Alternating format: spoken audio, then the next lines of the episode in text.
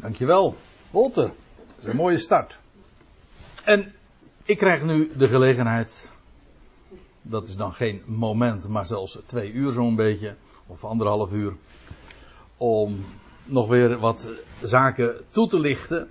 Over onderwerp, over een onderwerp moet ik eigenlijk zeggen.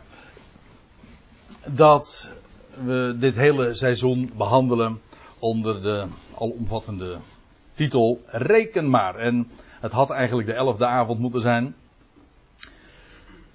Want er is er één tussen uitgevallen. Trouwens, er zijn er twee tussen uitgevallen. Maar die andere avond, die, uh, die, die gaat nog komen. Dat wil zeggen, het is de één na laatste Bijbelavond. Laat ik dat dan ook meteen even gezegd hebben. 16 juni. Dus dat is vandaag waarschijnlijk over vier weken. Dan hebben we nog een avond, dat is de afsluitende avond in deze serie. En dan hebben we er in totaal elf gehad. Hadden er twaalf moeten zijn. U begrijpt, als je het hebt over tijden, had twaalf een mooier getal geweest. Maar goed. Hè? Dat is dan weer de mens die dan bezig is.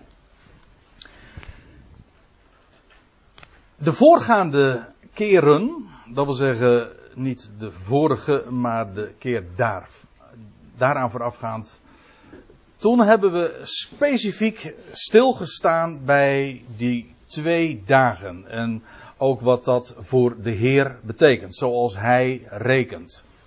Eh, de profetie met name in het boek Hosea, waar we lezen dat de Heer tot Israël zal terugkeren en het volk zal herstellen. En daarbij wordt dan ook een termijn genoemd, zij het cryptisch, Namelijk na twee dagen en in de dageraad in de morgenstond van de derde dag. De vorige keer, toen heb ik u vooral meegenomen naar een andere termijn. Namelijk niet zozeer over de twee dagen. Twee dagen van duizend jaar, want dat is de wijze dus waarop de Heer rekent. Maar over zes dagen. En daarmee ook de zevende dag die als afsluitend daarop volgt. Zes millennia. En ik wil daar vanavond nog wat op voortborduren. Ik moet u zeggen, zoals gezegd, we hebben in totaal dan in deze serie elf avonden. En dat is eigenlijk, dat schiet hopeloos tekort om dit onderwerp uh, zelfs maar enigszins alomvattend te bespreken.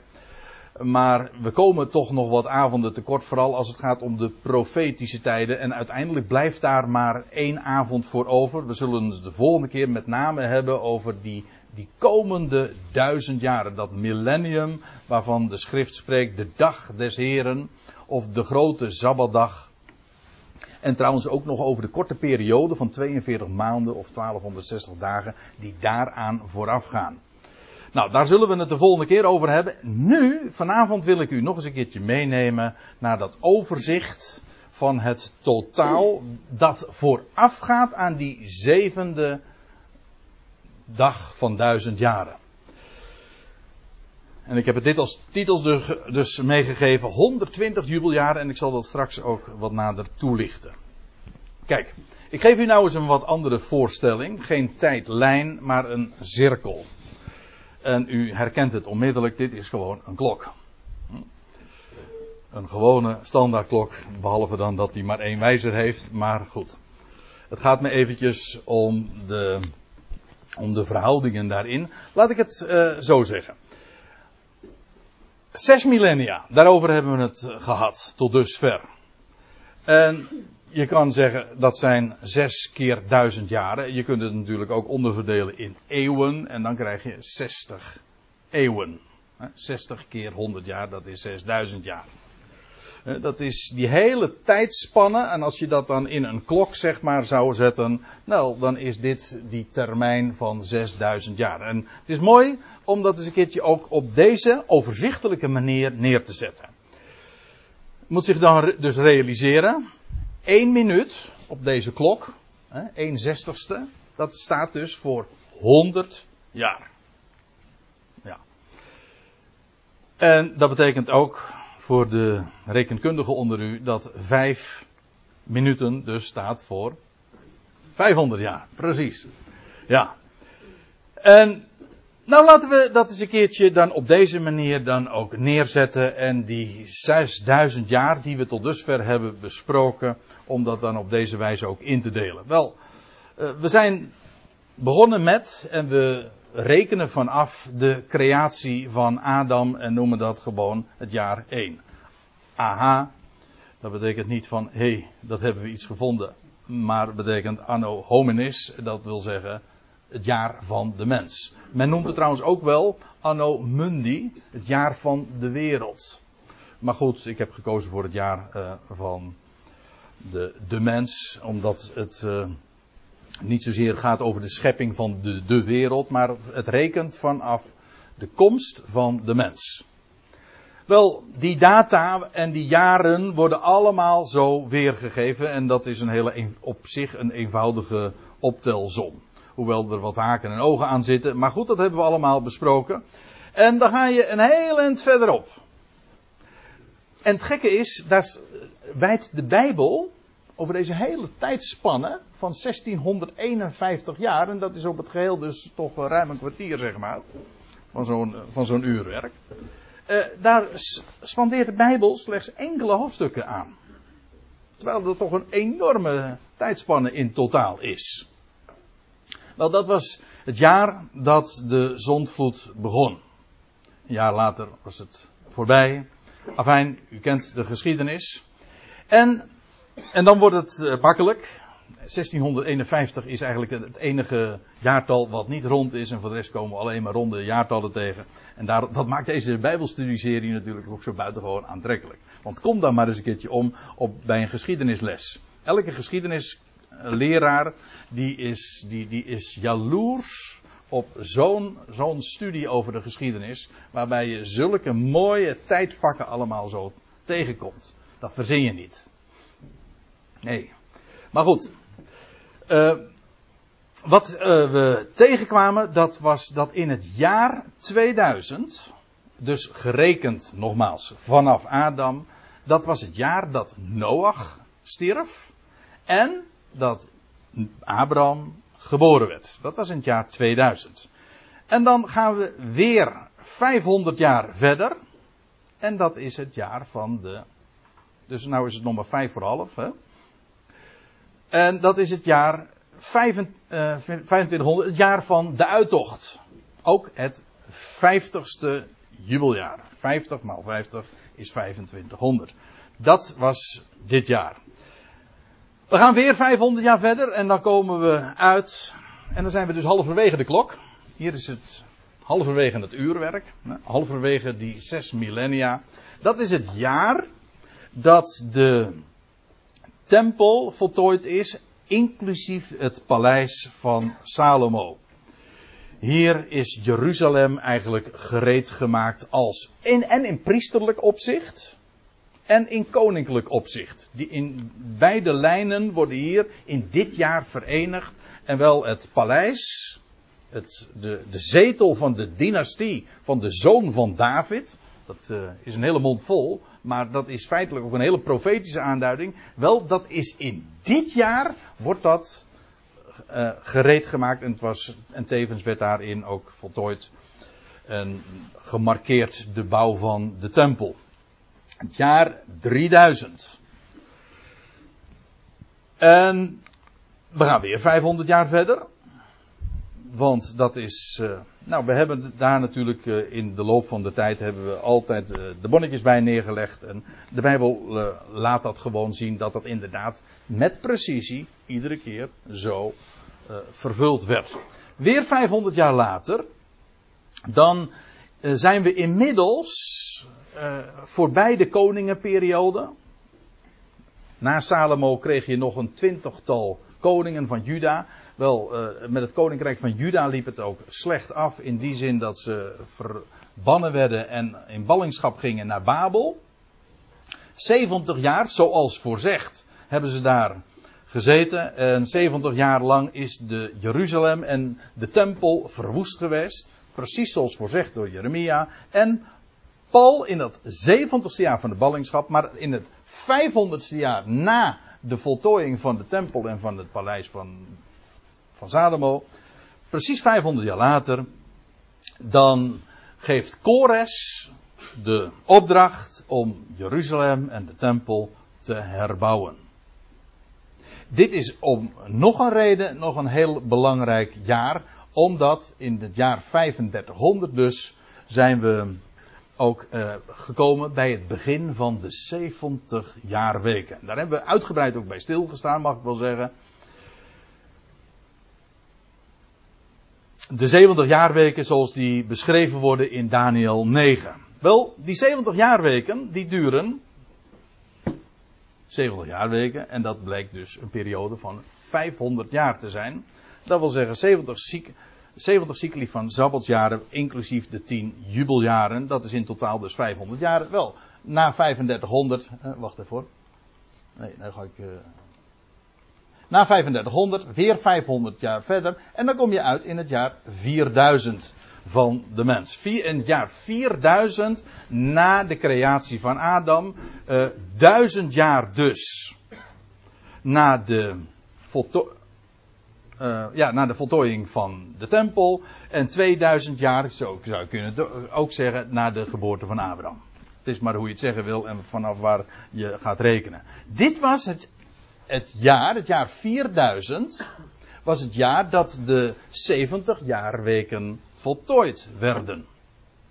Het was ook het jaar waarin Israël, Jeruzalem meer specifiek, als stad en de leidslieden van het volk officieel niet alleen maar de Messias kruisigde, dat deze 3,5 jaar eerder.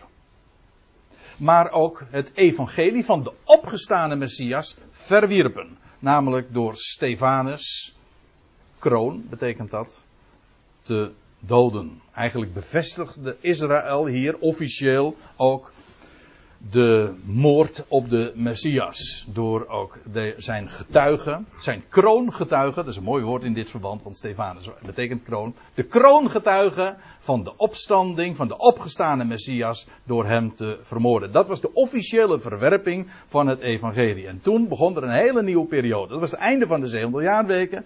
En ja, en dat, dan wordt er een periode ingeluid, dat heeft alles te maken met verborgenheid. Waarin het koninkrijk verborgen is. En dat wordt allemaal toegelicht. En de grote man daarvan is uiteraard, die daarover spreekt, dat is de apostel Paulus. En dan gaan we weer, kijk, oh ja, we hebben natuurlijk daarbij ook vastgesteld, of uh, in ieder geval dat is trouwens het lastigste uh, gegeven. Kijk, tot dusver kun je het gewoon allemaal heel bijbels uh, laten zien. Uh, een wat moeilijker punt is, dat is een onzeker element op zich, hoewel er hele goede argumenten zijn voor deze conclusie, dat het jaar 4000 dan samenvalt met het jaar 33, 34 van onze jaartelling. Want die koppeling wilden we toch hebben. Wat betekent dat? Het jaar 4000, het jaar dat Stefanus gestenigd werd. Dat was 3,5 jaar na de, de, kruisiging van Jezus. Maar uh, in, in welk jaar was dat dan? Nou, zo omstreden is het nou ook weer niet. Alleen als je het helemaal op het jaar nauwkeurig wil uh, nemen, dan uh, blijkt, blijken daar wat verschillen van inzicht over te zijn. Sommigen zeggen van dat de Heer Jezus werd gekruisigd in het jaar 30 van onze jaartelling. Anderen zeggen 31. Nog weer anderen zeggen 32. Nou ja, en dan houdt het ongeveer zo wel op.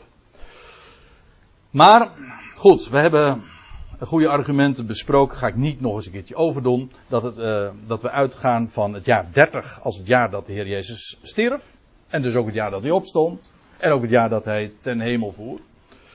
En drieënhalf jaar later was dus. Uh, in najaar 33 begon het jaar 4000. U weet, Joodse jaren of de Bijbelse jaren lopen van najaar tot najaar. Hè? Van, uh, zoals ook uh, de Joodse kalender dat uh, aangeeft. Vandaar dus 33, 34. In najaar 33 begon het jaar 4000 en dat liep dus af in najaar 34. Afijn. Als dat zo is, als jaar 34, als het jaar 4000 van onze jaartelling samenvalt met het najaar 33, dan is het niet zo moeilijk om vervolgens door te rekenen. En dan is het zo dat wij nu in mei 2016 ons bevinden in het jaar 5982. Ik heb toen eerder een keertje een jaar in vergist, maar nu heb ik het correct. Ja. Dus uh, ja, dat is, uh, daar hoef je geen groot rekenkundige voor te zijn om dit, te, om dit dan vast te stellen. En dat betekent dus ook dat als je het jaar 6000 wil vaststellen, daar hoef je al even min een Einstein voor te zijn. Als het jaar 4000 samenvalt met het jaar 33, dan valt het jaar 6000 samen. Het jaar 6000 anno hominis valt uiteraard 2000 jaar later nog. En dat is in het jaar 2033. Of eh, aflopen in het jaar 2034. En dat is het jaar 6000. En nou wil ik daar eigenlijk wel een paar dingen over zeggen, maar ik denk dat ik het toch, toch nog eventjes parkeer naar een later moment in de avond, want er gaan allerlei geruchten eh, doen er de ronde over deze bijbelstudies. En hoe zou dat toch komen, hè? ja, ik dacht dat ik me aardig ingedekt had. En uh, voor, ja, je zegt reken maar, en dat doe je ook. En ik geef deze dingen aan. In de eerste, laat ik, laat ik al in ieder geval een paar voorzetjes geven. Voordat ik daar later op de avond nog eventjes uh, wat specifieker op inga. In de eerste plaats, ik ben geen profeet. Ik, ik ben een bijbelvorser, dat wil ik graag zijn. Ik bestudeer de schrift.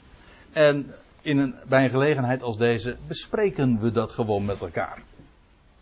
Dus ik voorzeg niks, we laten gewoon de schrift aan het woord. Dat is één ding. Bovendien moet ik er ook bij zeggen, wat ik vastgesteld heb, is dat na, als, dat als het jaar 4000 samenvalt met het jaar 33, najaar 33, dan is het gewoon een kwestie van een gegeven. Als dit juist is, dan ik kan het niet missen dat het jaar 6000 gewoon samenvalt met het jaar, najaar 33, 2033. Heb ik daarmee gezegd dat Jezus dus dan terugkomt? Want dat is, dat is dan het gerucht wat uh, de ronde doet. Nee, dat heb ik niet gezegd. Ik zeg het tegendeel trouwens ook niet. Maar dat is niet wat ik gezegd heb. We moeten gewoon correct blijven. En ik denk dat, het heel gemak, dat je je heel gemakkelijk hierin kunt vergalopperen. En we moeten ons behouden gewoon aan de Bijbelse gegevens. En dat is altijd veilige bodem. Dus ik zeg hier, nu, op dit moment, het jaar 6000 in deze berekening komt overeen met het najaar, uh, begin najaar 2033 en eindigt in het jaar 2034. Dat is wat ik zeg. Trek daar nou verder geen conclusies uit. Maar goed, we gaan nu wel eventjes nog verder. Ik kom straks, ja, later in de avond, als we het over Jozua 3 hebben, kom ik hier graag nog eventjes op terug. Maar dit moest ik op voorhand even gezegd hebben. Ja, wat uh, ook boeiend is, uh, en heel, ja, nogal voor de hand liggend, dat is dat we, dat deze hele lijn, deze cirkel, deze, dit uurwerk, ook uiteenvalt in drie gelijke delen. Dat wil zeggen drie keer 2000 jaar. Vanaf de creatie van Adam tot de geboorte van Abraham. En dan van de geboorte van Abraham tot de dood van Stefanus is 2000 jaar keurig onderverdeeld in 4 keer 500 jaar. En nog een keertje 2000 jaar vanaf de verwerping van Jeruzalem. En u ziet, 2000 jaar later kom je in het jaar 6000 uit. En ik heb expres natuurlijk dat vraagtekentje erbij gezet. Want uh, dat is om even u scherp te houden. Waar kom je dan uit? Nou, aan het einde van de 6000 jaren. Dat is, een, dat is in ieder geval, laat ik dat wel gezegd dat is een mijlpaal, mag ik, wel, mag ik wel zeggen. Dat is een jubileum. Toch? Ik heb dat trouwens uh, is uh, nagekeken. Maar u zegt van dat, had ik, dat wist ik al lang. Nou, dan, uh, dan wist u meer dan ik. Maar ik weet het nu dus ook. Ik, heb dat, ik ben gek op etymologie. Dat wil zeggen op het herleiden van woorden. Er gaat bijna geen dag voorbij of ik kijk in een etymologisch woordenboek. Waar een woord van afgeleid is. En het woordje, ons woordje jubileum, dat komt inderdaad rechtstreeks uit van dat woord jubeljaar. En het komt zelfs uit het Hebreeuws, jovel. Uh, Trouwens, het, dat zeg ik terwijl ik het nu eventjes doorgeef, maar jovel wordt, is ook Jiddisch. Hm? Als iets jovel is, dan, dan is het prima. Hè? Bargons, Jiddisch. Maar in ieder geval, jovel, dat, dat is een Hebreeuws woord. En dat wordt uh, in de Bijbel ook diverse keren gebezigd. Maar het, daarvan is dus het woordje jubel afgeleid. Maar een jubileum komt eigenlijk van het jubeljaar. Een strikt genomen is alleen als je 50 jaar getrouwd bent een jubileum. Dus. Want dat is namelijk het 50ste jaar. Maar wij hebben het veel breder getrokken. En een jubileum, dat is gewoon een markant, uh, ja, een markant uh, datum, een markant jaar. En dat kan na 12,5 jaar zijn, heb je jubileum. Na 25 jaar heb je jubileum. En, uh, nou ja, 40, 50. Zulke ronde getallen, dat zijn jubilea. Wel, het jaar 6000, dat kan ik u wel verklappen, dat is in ieder geval een enorm jubileumjaar. Dat mag wel gezegd worden. Een zesde millennium wordt daarbij afgesloten en een zevende millennium vangt aan. Dat lijkt me toch erg markant. Ga ik u nog wat vertellen? En dan kom ik ook uh, meteen bij die. de ondertitel van de, de eerste pagina, van de eerste dia. Zes millennia, ik heb het verteld, is komt overeen met 60 keer 100 jaar, oftewel 60 eeuwen. Maar je kunt het ook nog eens in nog weer kleinere segmenten onderverdelen. En dat is in jubeljaren. Een eeuw is. Twee, dat zijn twee jubilea. Hè, twee jubeljaarcycli. Een jubeljaar is het vijftigste jaar. Dus in een eeuw heb je twee jubeljaren. Dat betekent dus dat je in een verloop van 6000 jaar 60 eeuwen heb je dus het dubbele aantal uh, jubeljaren. Ja, dus 120 jubeljaren. Waar? En dat is boeiend. Dat is heel interessant. Want wat we dus zagen, is dat die 120 jubeljaren, die zes millennia, onderverdeeld zijn in drie gelijke segmenten van drie keer 2000 jaar. Als ik het onderverdeel in jubeljaren, dan zou je dus krijgen in drie keer 40 jubeljaren. Bent u er allemaal nog? Ja? Drie keer 40 jubeljaren. Dat is in totaal dus 120 jubeljaren. En waar kent u dat? Herkent u dat van? En nou, eh, ik heb. Uh, ik weet eigenlijk ik, niet zeker. Ik geloof dat ze het in, in, in Polen ook zo zeggen. Ja, ik, zeg dat, ik, ik, breng dat zo even te sprake omdat ik een paar avonden in de week uh, aan Poolse mensen. En als zij dan jarig zijn, dan geloof ik, dan uiten ze de felicitatie dat je 120 uh, jaar mag worden. Maar in ieder geval onder de Joden zeggen ze dat. Hè? Dat je 120 mag worden ik zie Therese bevestigend knikken, dus het zal wel zo zijn, hè. Uh, dat je 120 mag worden. En 120 jaar, dat was de leeftijd van Mozes. Wel, laten we, laat ik daar nog eens wat op inzoomen. Mozes is 120 jaar geworden, dat lezen wij in Deuteronomium 34, vers 7. Ik ga dat vers nu niet opzoeken, maar u kunt het gewoon daar terugvinden. Het boeiende is dat zijn leven is verdeeld in drie keer 40 jaar. Hij werd uit het water getrokken. Dat wil zeggen, ja, ik zeg het expres zo, want dit is namelijk precies wat zijn naam betekent. Mozes, zij noemden hem Mozes, want hij was uit het water getrokken. Die logica ontgaat ons natuurlijk voorkomen in het Nederlands. Maar in de taal waarin hij uh, aangesproken werd en die naam kreeg, was dat gewoon ja, de betekenis van het woord, van die naam. Uit het water getrokken. Is leuk, nog iets leuks, want hij lag natuurlijk, zoals uh, zelfs elk kindje van de zonderschool al kan vertellen, hij lag in een biezen mandje, maar in onze vertalingen wordt er dan meestal gesproken over een biezenmandje. Maar er staat eigenlijk gewoon een biezen, eigenlijk een papieren ark. Of een kist. Eigenlijk moet je zeggen gewoon een kist. Dat woord wat in Exodus vertaald wordt met mandje. Dat wordt, dat, het komt alleen maar voor in Genesis en één keer in Exodus. En dat is dus in, in die geschiedenis van, van, uh, van Mozes en de geboorte van Mozes. Dat hij gevonden wordt door die Egyptische prinsessen.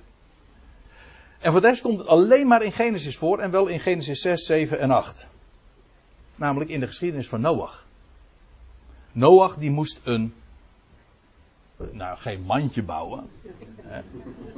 Maar, nee, dan zie je dat het woordje mandje dus gewoon uh, niet deugt. Want dat woord wordt consequent vertaald. Behalve één keer. Het wordt namelijk altijd vertaald met ark. En één keer met mandje. Maar het is gewoon één Hebreeuws woord. En, en dat woord ark, uh, dat betekent gewoon een kist. Is dat zo? Kijk. Een biezenkistje. Ah, en gewoon het verkleinwoord daar dan van. Ah, kijk. Nou, ik uh, ben dan. Uh, ik ben alleen maar. Uh, of met name vertrouwd met de NBG-vertaling. Maar hartelijk dank voor deze toelichting. Want dan hebben we in ieder geval de Statenvertaling eventjes van blaam gezuiverd. Gewoon een kist. En hij werd uit de, Hij lag dus eigenlijk in een ark, in een kist. Dus hetzelfde woord als waar in Noach zich bevond, eigenlijk de hele mensheid uh, zich toen bevond. De overlevende mensheid. En daar werd hij uitgetrokken. Denk even over na. Straks ga ik eventjes het in perspectief plaatsen. Zijn leven is verdeeld in drie keer 40 jaar. De eerste 40 jaar dat hij uit het water getrokken was. En zijn naam daar ontleende. Opgroeide uh, in het huis van Farao. En dan lees je toen hij 40 jaar was, dan, toen begon hij om te zien naar zijn broeders, de kinderen Israëls. Zo staat het letterlijk in Handelingen 7, vers 23. Dus die eerste 40 jaren, dat zijn de jaren dat hij in Egypte was, Mozes was, dus een, uh, ja, gewoon uh, uit het water getrokken. Maar vanaf zijn veertigste begon hij om te zien naar zijn broeders. En dat kwam zwaar te staan meteen, want u weet, uh, het werd de aanleiding dat hij ging vluchten en moest vluchten naar het buitenland, naar het land van Midian. Maar goed, dat had ook wel weer heel veel moois, want hij vond daar zijn vrouw, Sippora. En uh, hij werd daar voorbereid voor zijn grote taak. Uh, het was die tweede 40 jaren, dat zijn de jaren dat hij, die worden gekenmerkt dat hij omzag naar zijn broeders, de kinderen Israëls. En dan hebben we nog een derde 40 jaren, dat is zoals zijn leven dus verdeeld is, wel die begon bij de uittocht uit Egypte. Uh, zoals dit plaatje dat ook aangeeft. De doortocht door de Rode Zee. Eigenlijk een weg dwars door de dood heen. De verlossing uit Egypte. En u weet, dat is ook een periode geweest van 40 jaren. En Mozes heeft het volk geleid hij was de leidsman van Israël, niet de voleinder. Ja, u moet nu denken aan Hebreeën 12, maar daar lees je over laat ons oog alleen gericht zijn op Jezus. In het Hebreeuws, of zou je ook kunnen zeggen op Yeshua, Joshua. Of in het Grieks zijn dat zelfs exact dezelfde namen ook. Dus Laat ons oog alleen op hem gericht zijn en dan wordt hij genoemd de, de overste leidsman, wat ooit Israël, pardon, wat Mozes was. Die was de leidsman, de overste leidsman van het volk. Maar boven, maar wat Mozes niet was, en Jozua wel, maar dat wordt verenigd, beide functies, beide bedieningen, in degene die wij kennen. Waar ons oog uitsluitend op gericht zou zijn, zegt de Hebreeënbriefschrijver. Namelijk degene die de taak afmaakt.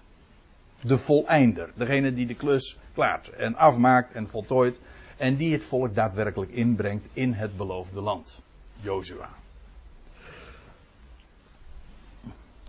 Mozes heeft gezien over de op de berg Nebo en hij heeft het beloofde land gezien, maar hij mocht er niet binnengaan. En u, u kent de redenen. Afijn, dat is weer, en hij sterft dan, en dat is daarmee ook de afsluiting van wederom een periode van 40 jaren in zijn leven. Drie keer 40 jaren. Dus de eerste 40 jaren aan het hof, dat hij uit het water getrokken was. De tweede 40 jaren dat hij omzag naar het volk van Israël. En dat hij, ja, dat hij om die reden trouwens ook uh, moest lijden. En de derde 40 jaren, dat die begonnen bij de verlossing en bij de uittocht. Nou, en u zegt, dat is leuk, maar wat bedoel je hier nou mee te zeggen? Nou, dit. Kijk. En nou leg ik weer eventjes die tijdlijn, die klok, dat uurwerk van die zes millennia. En die koppel ik nu even, of het laat ik het anders zeggen, het leven van Mozes, die 120 jaar oud werd, is ook, zoals ik al eerder liet zien, van die zes millennia die onderverdeeld is in drie keer 2000 jaar, oftewel drie keer 40 jubeljaren. Wel, op dezelfde wijze is het leven van Mozes onderverdeeld. Dan krijg je eerst de, deze eerste 40 jubeljaren. En dat, is, dat zijn die denk, doen denken, of die typologisch zijn, die dus komen die overeen met die eerste 2000 jaren, dus die eerste 40 jubeljaren. En dat blijkt ook wel, want ja, wat is het meest karakteristieke van die eerste 2000 jaren? Nou, dat lijkt mij toch wel de geschiedenis van de ark. De eigenlijk de dagen van Noach. Noach is eigenlijk ook degene, de, de naam, die staat voor pre-zondvloed en post-zondvloed. Dat wil zeggen voorafgaand aan de zondvloed, maar hij, hij heeft ook nog natuurlijk eh, een eh, geruime tijd na de zondvloed geleefd. Mozes, die eerste 40 jaren eh, van zijn leven, die komen overeen met die eerste 40 jubeljaren, die eerste 2000 jaren. De ark, uit het water uit het water getrokken, uit het water verlost. Dat is de eerste 40 jaren. Dan krijg je, dat komt dus overeen van vanaf Adam tot aan de dood van Noach. Dus met recht de dagen van Noach. Nou, dan krijg je de tweede 40 jaar, 40 jubeljaren, of als het gaat over Mozes, de tweede 40-tal jaren in zijn leven. Dat is dat hij omzag naar de kinderen Israëls. Maar het, zijn de, het is de periode ook dat Israël nog steeds in slavernij was. Hoort u wat ik zeg? En ziet u ook meteen hier de connectie? Deze 2000 jaar, waar we ons gedurende deze studie trouwens, deze hele studieserie, hebben we ons vrijwel uitsluitend, nou is overdreven, maar grotendeels hebben we ons bezig gehouden met deze 2000 jaren. Omdat de Bijbelse geschiedenis nu eenmaal voor het verreweg het grootste gedeelte uh, gevuld wordt door deze, ja, door deze periode. En die ook zo keurig was onderverdeeld in 4 keer 500 jaar, weet u nog?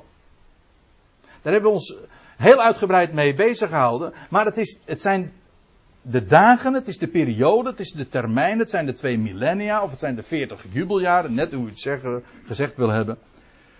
Dat God omzag naar, naar zijn volk Israël. Dat wel nog steeds in slavernij is. Maar dat is precies ook wat eigenlijk, uh, peri eigenlijk karakteristiek is voor deze tijd. Het is de periode vanaf Abraham, maar ook grotendeels de periode van Israël onder de wet. Uh, neem me niet kwalijk, maar de Bijbel zegt dat zo. De Bijbel zegt dat dat ook een periode is van slavernij. Oh, u zegt van, van kindschap. Oké, maar zolang een kind onmondig is, zegt Paulus dan, verschilt het in niets van een slaaf. Dat was slavernij. Gebukt onder een juk dat ze niet konden dragen. Dat is Israël onder de wet. Dat is die tweede 40 jaren. En ik moet eraan denken dat aan het einde van die periode wordt Abraham, pardon, Mozes geroepen. En toen bevond hij zich bij de berg Gods, ja, en toen uh, was daar een brandende braamstruik. Vol met dorens.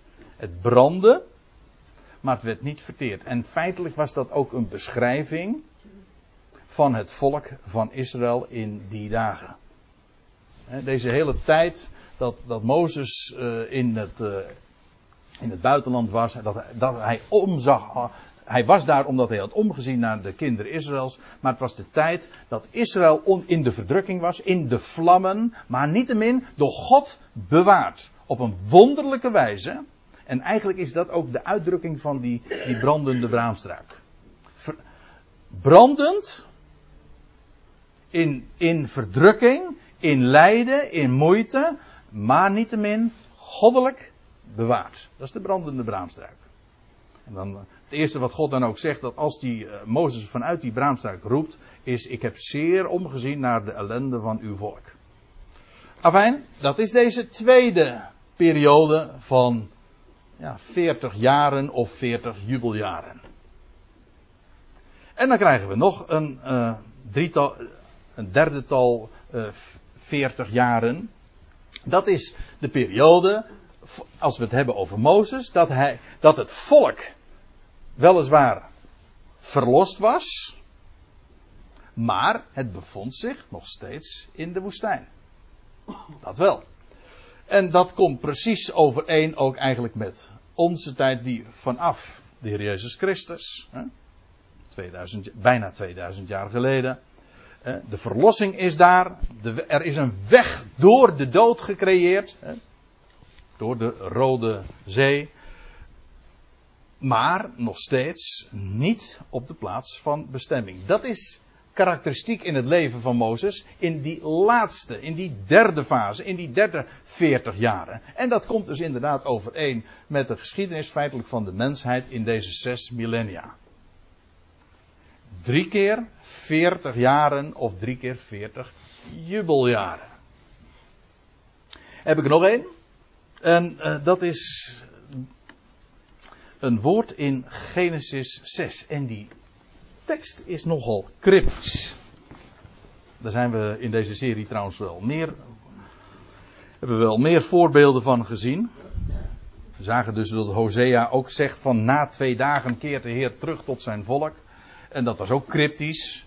Maar goddank, de schrift legt zichzelf uit, of de ene schrift legt de andere schrift uit. Geen profetie der schrift heeft een eigen uitlegging. Nee, weet u hoe het is? Schriften, profetieën der schrift leggen elkaar uit.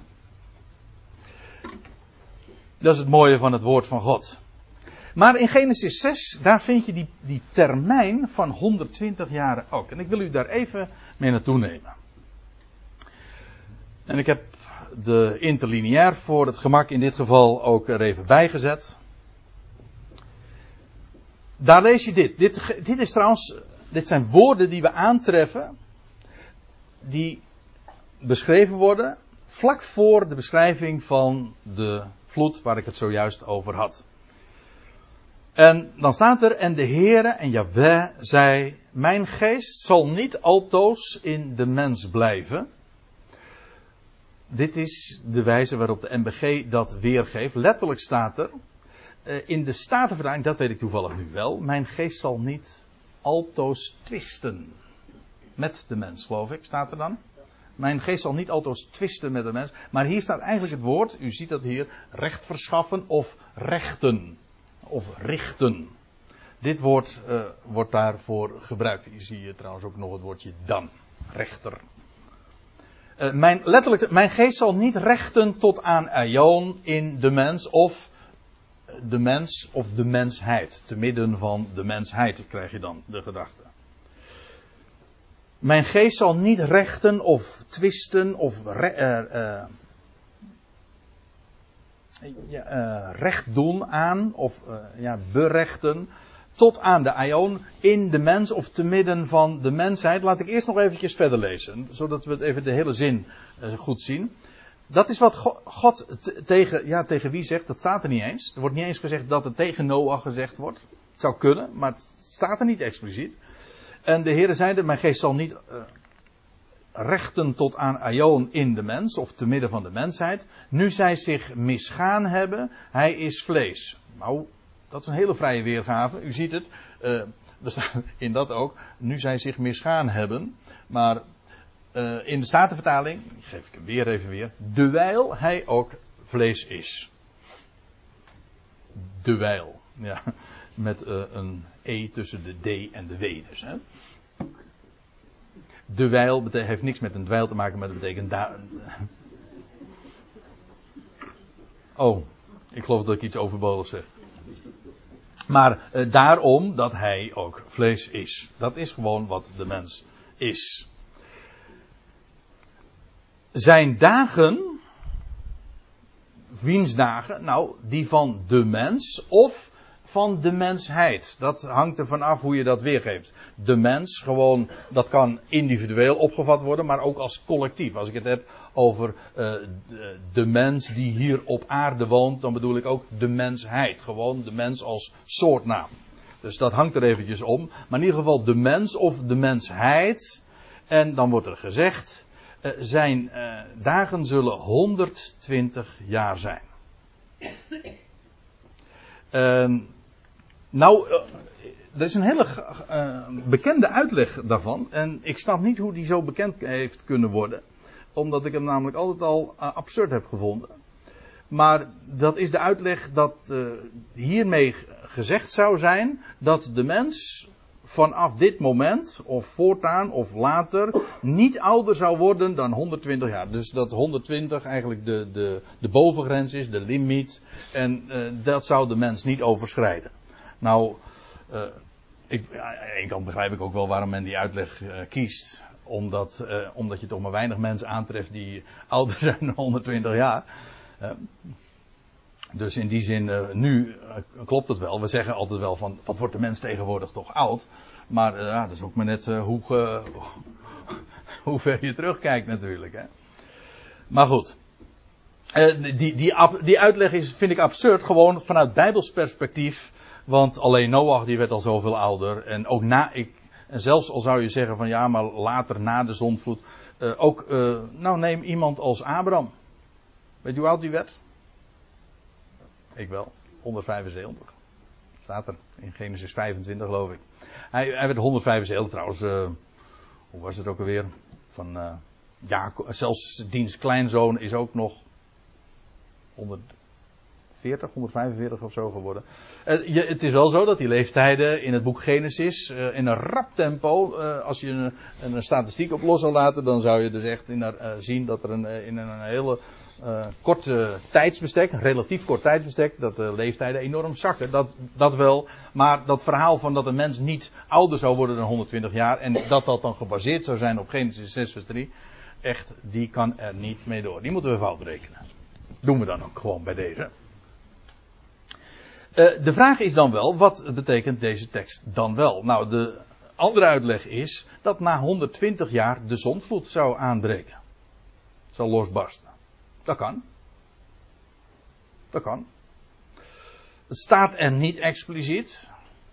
Eigenlijk staat er gewoon dat de, de geest zou niet uh, altoos uh, berechten, de mens richten, maar hij is vlees en zijn dagen worden als het ware, dat klopt, worden gelimiteerd.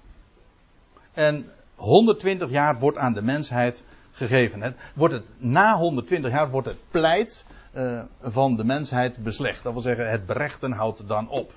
En dat kun je dan betrekken op de zondvloed. Na die 120 jaar zou de zondvloed aanbreken.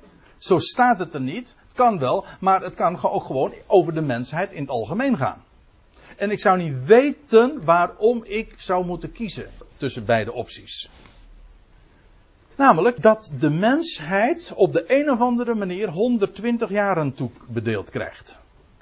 Dat zou in de eerste, in de primaire zin gewoon letterlijk 120 jaar zijn, maar het kan ook gewoon een speciaal soort jaren zijn. En die, dat type jaren kennen wij inmiddels. Namelijk dat aan de mensheid worden 120 jaren toebedeeld. En met wat we tot dusver hebben gezien van die zes millennia, wel is dat niet zo moeilijk uh, te voor te stellen, want inderdaad, zes millennia, dat zijn 120 speciale goddelijke jaren. Namelijk 120 jubilea worden aan de mens gegeven. En tot die tijd, de mens is vlees. En de Heer zegt, ik, ik blijf niet aan de gang met het berechten van de mens.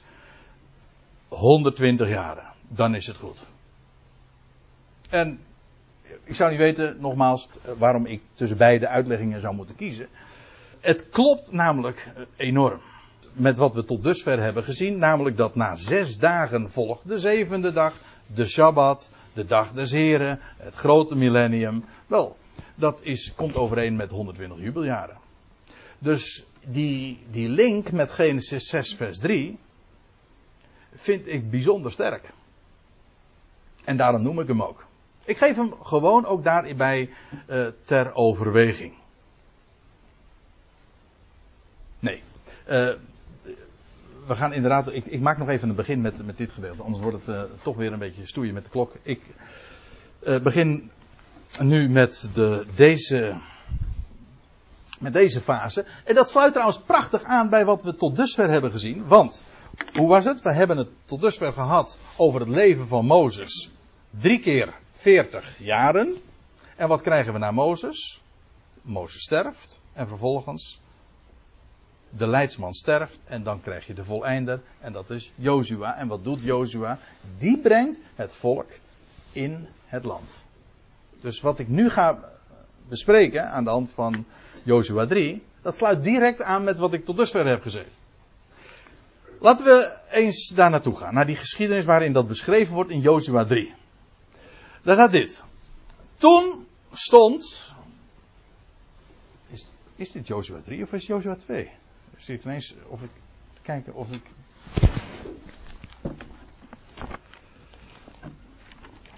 Moet wel zuiver blijven natuurlijk. Ja, nee, het, is, uh, het klopt. Jozua 3. Er staat er in vers 1, en dat, dat blijft een mooie natuurlijk, zoals het er dan beschreven staat. Toen stond Jozua des morgens vroeg op. Zie daar het evangelie. Dat zou je niet zo uh, op het 1, 1, 2, 3 op het eerste gezicht gedacht hebben. Maar ach, als je de boodschap van het Nieuwe Testament kent, dan weet je het toch. Wij kennen de volleinder van het geloof, Jehoshua, Yahweh red. Hij heeft exact dezelfde naam. En waarom is hij de grote redder? Waarom is hij het embleem ook van God die redder is? Wel omdat hij ooit desmorgens vroeg opstond. Was nog bij de Jordaan ook. Maar goed, daarover hebben we het nog. En dan staat er, toen stond Jozua des morgens vroeg op en hij en al de Israëlieten braken op van Sittim. Ik ga er nu even aan voorbij wat dat was en wat daar allemaal nog mee te doen heeft. En ze kwamen tot aan de Jordaan, de grens van het beloofde land.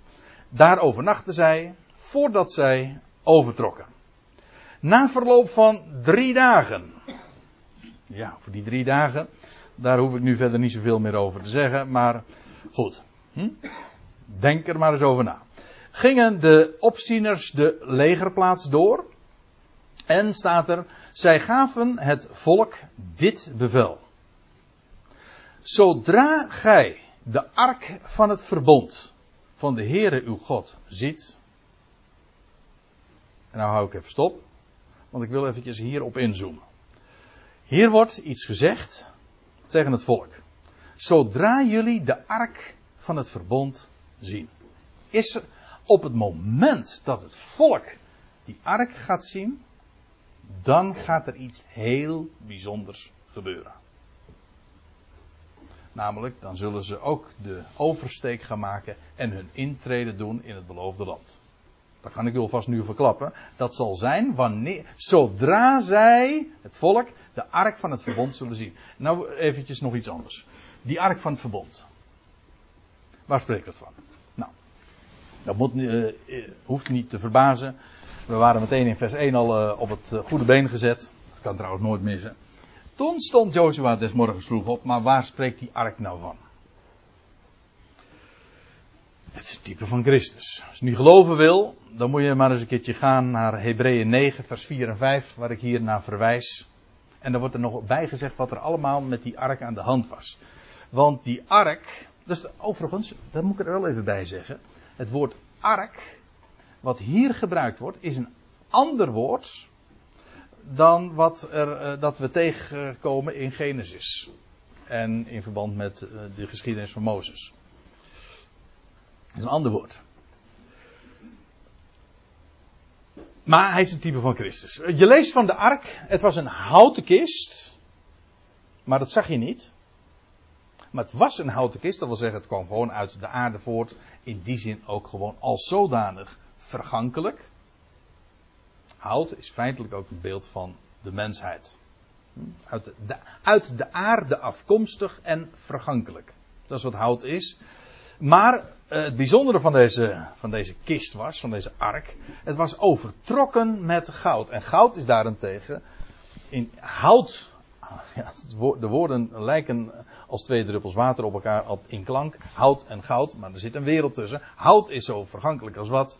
Maar goud daarentegen is onvergankelijk. Dat is waarom het ook een edelmetaal is. Dat wil zeggen, het laat zich niet verbinden met zuurstof. Het is onvergankelijk. Het roest niet.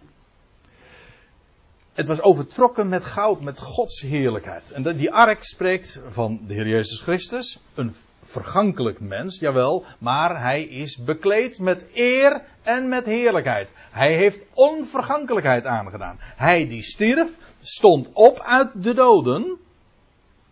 En hij heeft glorie gekregen. Hij is overtrokken met goud. En hij is onvergankelijk. Dat is het eerste. Bovendien, het meest kenmerkende en meest bekende trouwens ook van die ark in het algemeen is, is dat dat de plaats was waar het bloed gesprenkeld werd. De plaats waar, eh, dat wordt dan genoemd, het verzoendeksel. Waar de hoge priester eens per jaar bloed op sprenkelde. Dat was het centrale plaats waar eigenlijk ook de verzoening plaatsvond. Alles in het hele heiligdom verwees naar dit centrum. Wel, lijkt me toch niet zo moeilijk. Daar waar het bloed terecht kwam. Van verzoening. Waar de verlossing feitelijk ook tot stand komt. Afijn, uh, de connectie natuurlijk met, met Christus. Degene die stierf. Uh, ligt er uh, natuurlijk duimendik bovenop. weet je wat er trouwens ook nog aan die ark verbonden was? Ik zeg dit allemaal om, om even goed de dingen, om dit helder te krijgen. Want deze hele geschiedenis van de doortocht door de Jordaan, die, wordt, die ontleent zijn betekenis juist ook aan de grote betekenis die gegeven wordt aan die ark. Die moest worden nagevolgd. Zodra ze die ark, het volk die ark zien, dan zouden ze inderdaad die ark na gaan volgen en, de, en het beloofde land ingaan. Maar dit, de staf van Aaron, die gebloeid had, bevond zich ook in die ark. Of was daarmee verbonden. U weet, dat was een, die staf. En die amandelbloesem voortbracht. Dat wil zeggen, het leek een dode staf, maar er kwam leven uit voort. Amandelbloesem zelfs. Je.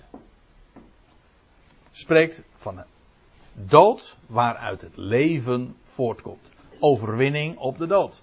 Uh, boven, nou, als u, en als u het ene de ene lijn zou missen, dan, kun je, dan is er helemaal nog niks uit aan de hand. Want dan is er altijd nog die andere lijn. En die brengt je uiteindelijk op hetzelfde spoor. Want uh, er was nog iets. Namelijk, het was een gouden kruik met manna. Een kruik op zich, in het algemeen in de Bijbel, is een beeld van vergankelijkheid. Een aardevat. Maar dit was geen aardevat, het was een gouden kruik.